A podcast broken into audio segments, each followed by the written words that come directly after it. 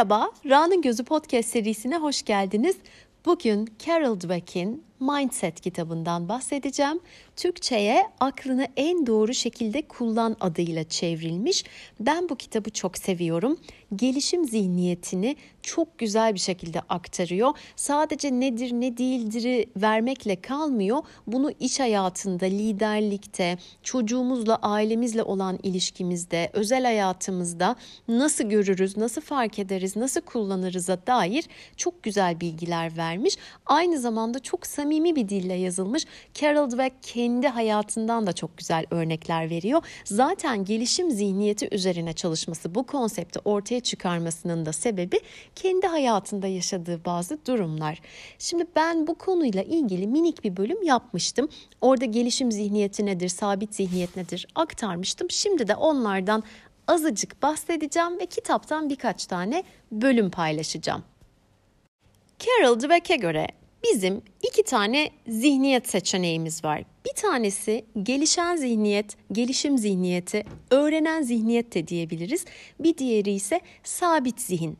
Şimdi biz sabit zihinde duruyorsak hayatımızdaki hemen hemen her şeyi, kişiliğimizi, potansiyelimizi, yeteneklerimizi adeta mermere kazınmış bir yazı olarak görüyoruz. Değişmez diyoruz, bu budur diyoruz, bunun ötesine geçemeyiz diyoruz ve gerçekleşen kehanet gibi gerçekten de onun ötesine geçemiyoruz. Herhangi bir zorlukla, engelle karşılaştığımız zaman da onun ıı, aşılacak bir şey olarak görmek yerine tamam artık pes buraya kadarmış diyerek yerimizde sayabiliyoruz. Sonra bunun içinde çok üzülüyoruz. Gelişim zihniyeti ise daha esnek bakan bir şey. Öğrenebilirim, gelişebilirim ve oradaki anahtar da aynen Carol Dweck'in TED konuşmasında olduğu gibi henüz değil yani evet yapamıyorum ama şu anda yapamıyorum. Henüz yapamıyorum. Belki üstünde çalışırsam yapabilirim. Belki yardım alırsam yapabilirim gibi gibi bir yaklaşım.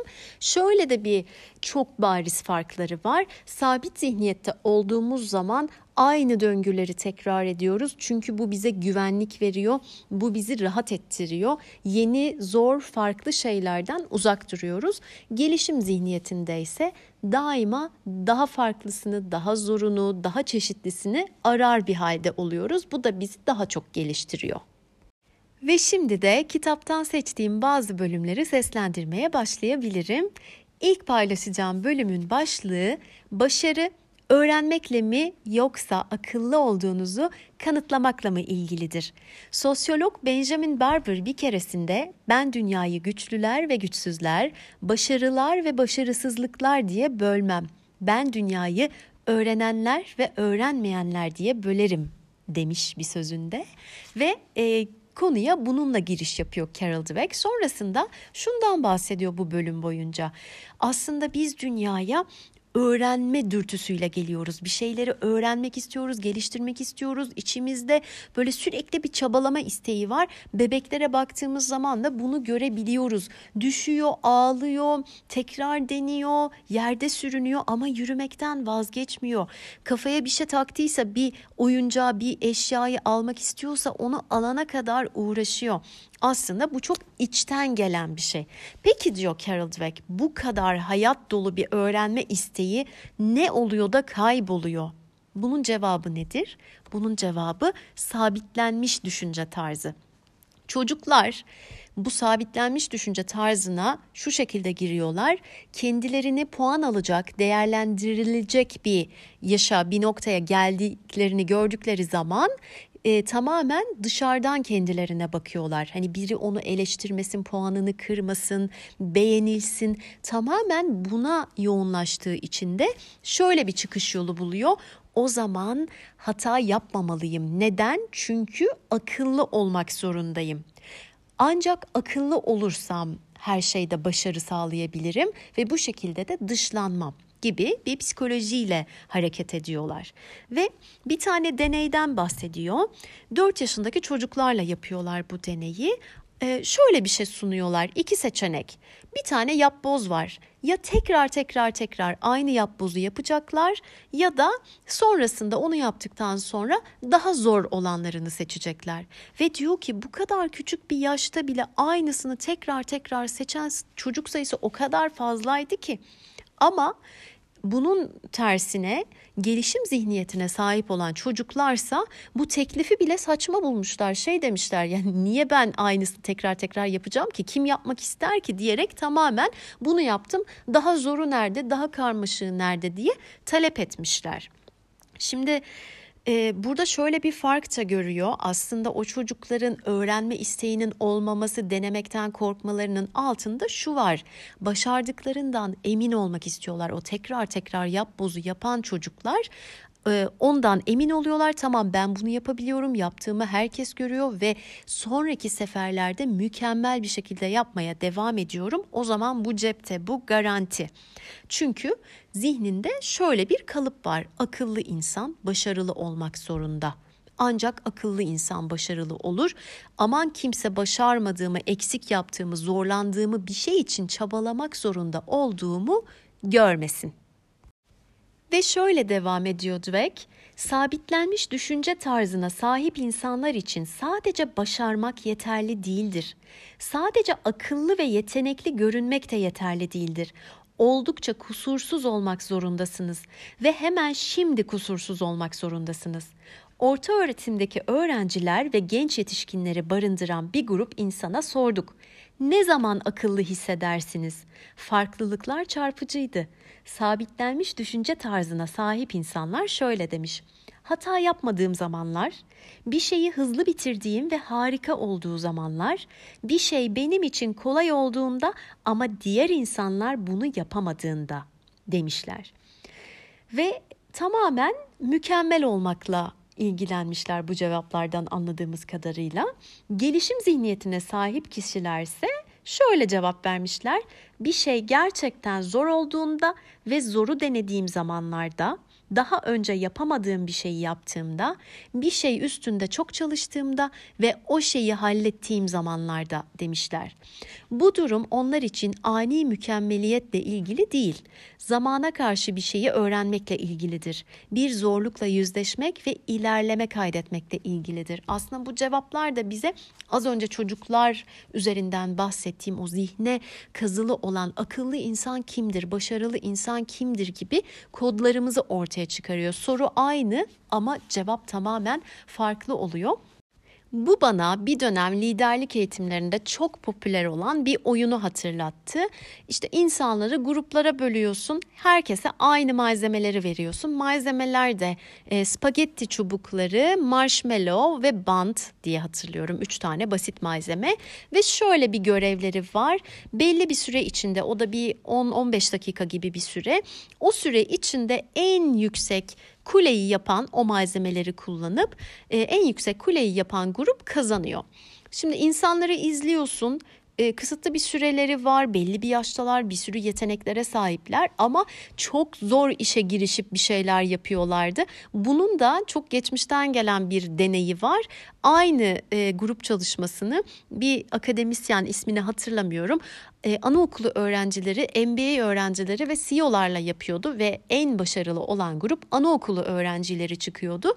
Çünkü o yaştaki çocukların kendi imajlarıyla dışarıdan bakanın onlarla ilgili ne düşüneceğiyle ilgili problemleri olmadığı için ve henüz e, zihnini e, sabitleyecek bir tedrisattan, eğitimden geçmedikleri için çok serbest bir şekilde o hadi süreniz başladı denildiği anda hemen hadi şunu koyalım bunu koyalım hayır o olmadı deneyelim tekrar diyerek o sürenin sonuna kadar elinden geldiğince çabalayarak en yüksek kuleyi yapmaya çalışıyor. Diğer yetişkin gruplarda benim kendi izlediğim kimi eğitimlerde şöyle bir şeye şahit oluyoruz. Malzemeleri inceliyorlar, plan yapmaya çalışıyorlar, diğer grupları gözetliyorlar. Ondan sonra müthiş bir strateji ortaya koymaya çalışıyorlar. Kağıda çiziyorlar önce. E, derken derken süre bitiyor ve yanında bir anaokulu öğrencisi olsa çoktan o spagettilerle kaç kat çıkmış olurdu. Aslında bu kitapta bahsedilen şey de öyle. Maalesef belli bir yaştan sonra hata yapmayayım, aptal gibi görünmeyeyim. Ay işte iyi planlamadı, bunu düşünmedi durumuna düşmeyeyim diye böyle çabalamaktan, hadi bakalım diyerek işe girişmekten korkuyoruz. Şimdi başka bir bölümden e, birkaç şey paylaşmak istiyorum. Onun başlığı da düşünce tarzı ve depresyon. Bir psikolog ve eğitmen olarak depresyona her şeyden çok ilgi gösteririm. Depresyon üniversite kampüslerinde şiddeti ortaya çıkarıyor özellikle Şubat ve Mart aylarında. Bu aylarda kış tamamen bitmemiş oluyor, yaz mevsimi de henüz gör- görünür değil. İşler yığılıyor, ilişkilerse yıpranmış durumda. Uzun süredir gördüğüm şey ise farklı öğrencilerin depresyonunu farklı şekilde ele aldıkları. Bazıları her şeyin kayıp gitmesine izin veriyor. Diğerleri oldukça sefil hissetmelerine rağmen dayanıyorlar. Kendilerini derslere adıyorlar, çalışmayı sürdürüyorlar ve kendi başlarının çaresine bakıyorlar. Daha iyi hissettiklerinde yaşamları eksiksiz bir şekilde devam ediyor. Yakın zamanda düşünce tarzlarının bu farklılıkta bir rol oynayıp oynamadığını görmeye karar verdik. Bunun için öğrencilerin düşünce tarzlarını ölçtük ve onlara Şubat-Mart aylarında üçer hafta boyunca internet üzerinde günlük tutturduk. Her gün ruhsal durumları, yaptıkları işleri ve sorunların üstesinden nasıl geldikleri hakkında sorular cevapladılar. İşte keşfettiğimiz şey sabitlenmiş düşünce tarzına sahip öğrenciler daha depresyondaydı. İncelemelerimiz gösterdi ki bunun sebebi sorunlar ve başarısızlıklar hakkında uzun uzun düşünmeleriydi. Özellikle başarısızlığın yetersiz ve değersiz olduğunuz anlamına gelmesi fikri onlara eziyet ediyordu. Beynimin içinde dönüp duruyor. Sersemin tekisin. Sürekli bu sözün dönüp durduğuna dair böyle günlüklerde rastladıkları şeyler var. Başka bir düşünce neymiş?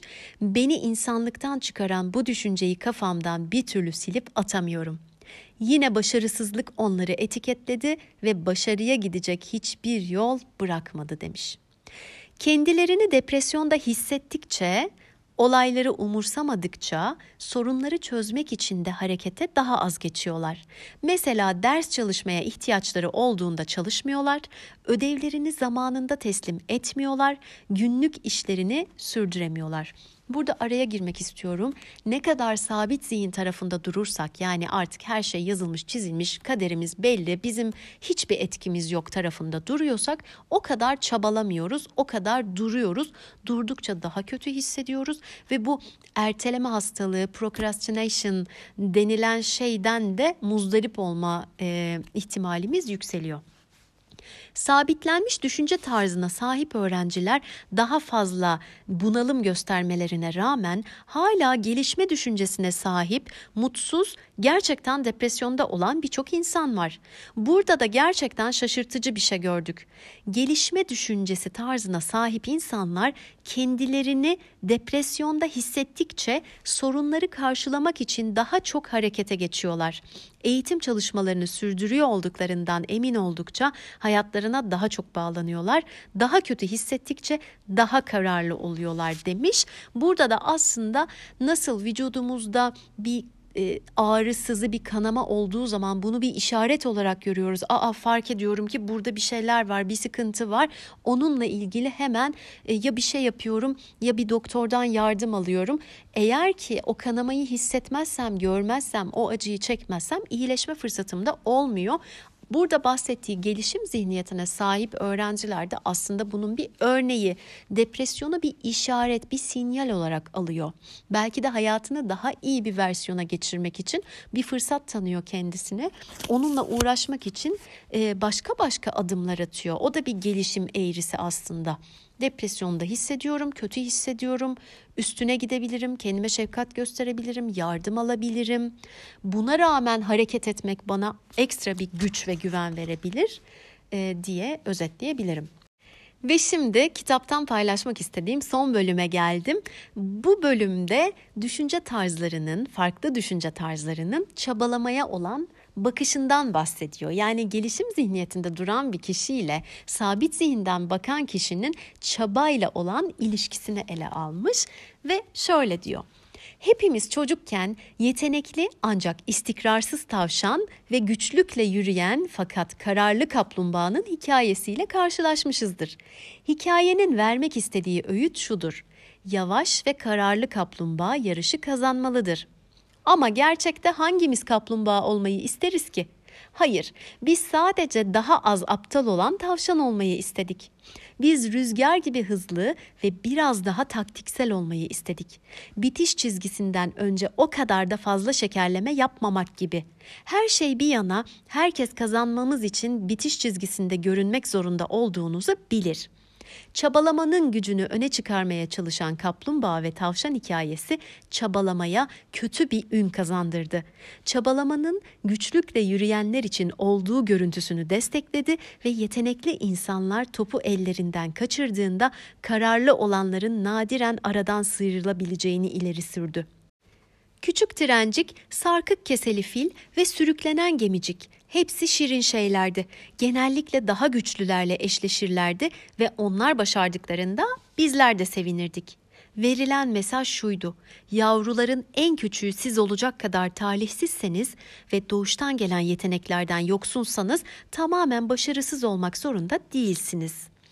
Burada yazar kendinden de örnekler veriyor ve aslında küçükken bu hikayeleri çok sevse de o kahramanlarla özdeşleşmediğinden bahsediyor ve şöyle diyor. Çok teşekkür ederim ben doğuştan gelen yetenekleri alıyorum.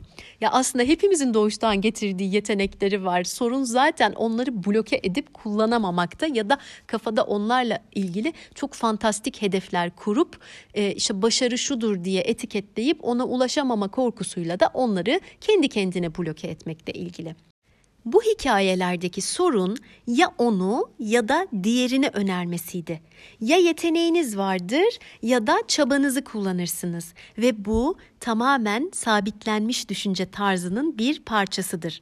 Çabalama yeteneği olmayanlar içindir. Sabitlenmiş düşünce tarzına sahip insanlar bir konuda çalışmak zorundaysanız o konuda iyi olmamalısınız diye anlatırlar ve eklerler. Gerçek dahilere her şey daha kolay gelir.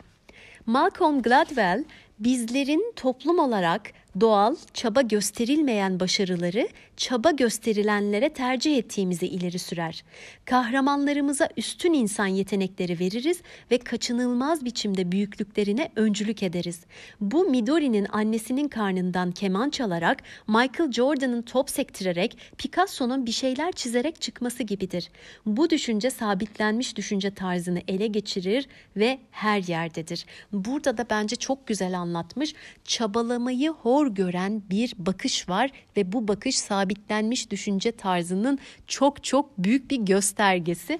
Eğer kendi dünyamızda da çabalamaya dair böyle bir şüphemiz ya da inancımız varsa bence sorgulamamız gerekiyor ve özellikle de biyografi okumak bu alanda çok güzel geliyor. Ee, çok başarılı, hayranlık duyduğumuz ürünlerini, eserlerini, imza attıkları sonuçları beğendiğimiz kişilere dair hayat hikayeleri ne yapmış, nereden gelmiş, kaç kere reddedilmiş, hangi kaygıları taşımış, yaşamış, ne zaman düşmüş, ne zaman kalkmış. Bence gelişim zihniyetini de kendimizde tohumlarını ekmek ya da onları büyütmek için güzel bir araç biyografi okumak ben, ben çok kıymet veriyorum. O yüzden eklemek ve söylemek istedim. Yani şimdi burada e, Gladwell'in söyledikleri de çok mantıklı geliyor. Yani hani Picasso elinde böyle tuvalle çıkmadı, Michael Jordan topla e, çıkmadı annesinin karnından. E, o yüzden niye kendinden böyle şeyler bekliyorsun? E, kimi dinlere ve kitaplara göre dünya bile işte kaç günde yaratılmış da kaçıncı günde Tanrı bile dinlenmek zorunda kalmış. O yüzden çabalamayı hor görmek aslında kendimize yaptığımız bence bir haksızlık. Şimdi ben kitaptan çok minicik minicik bölümler paylaştım. E, merak edenler ve dinlemeyenler gelişim zihniyetinden bahsettiğim diğer kısa bölümü de dinleyebilir. Ama ilginizi çektiyse kitap çok zengin ve çok güzel bilgiler ve araştırmalarla dolu. O yüzden öneriyorum diyebilirim. Diyerek bu bölümü burada bitireyim. Sonraki bölümlerde görüşmek üzere. Hoşçakalın.